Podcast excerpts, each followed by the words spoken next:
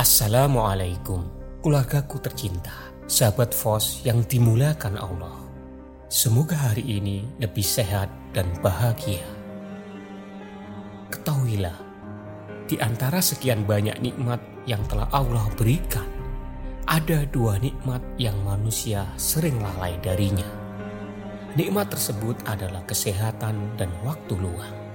Sebagaimana sabda Nabi Shallallahu Alaihi Wasallam, ada dua kenikmatan yang banyak manusia tertipu, yaitu nikmat sehat dan waktu senggang.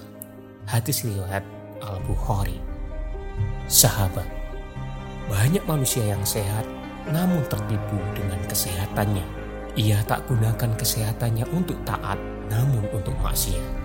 Sementara di luar sana ada sebagian orang yang ingin melakukan ketaatan namun tak mampu melakukannya dikarenakan sakit yang diderita. Padahal badan yang sehat akan ditanyakan, digunakan untuk apa? Apakah digunakan untuk mendatangi majelis ilmu ataukah mendatangi tempat-tempat maksiat?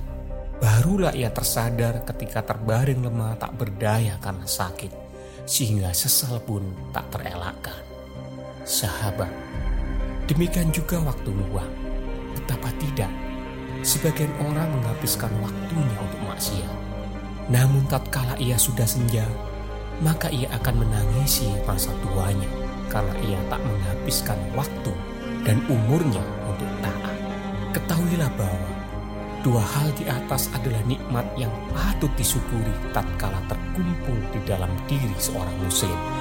Karena tatkala seorang itu bersyukur, maka Allah akan tambah nikmat tersebut. Waktu ibarat pedang bermata dua. Jika digunakan untuk kebaikan, maka baik pula.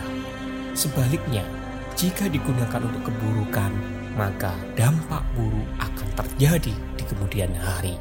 Walau alam bisawab. Wassalamualaikum warahmatullahi wabarakatuh.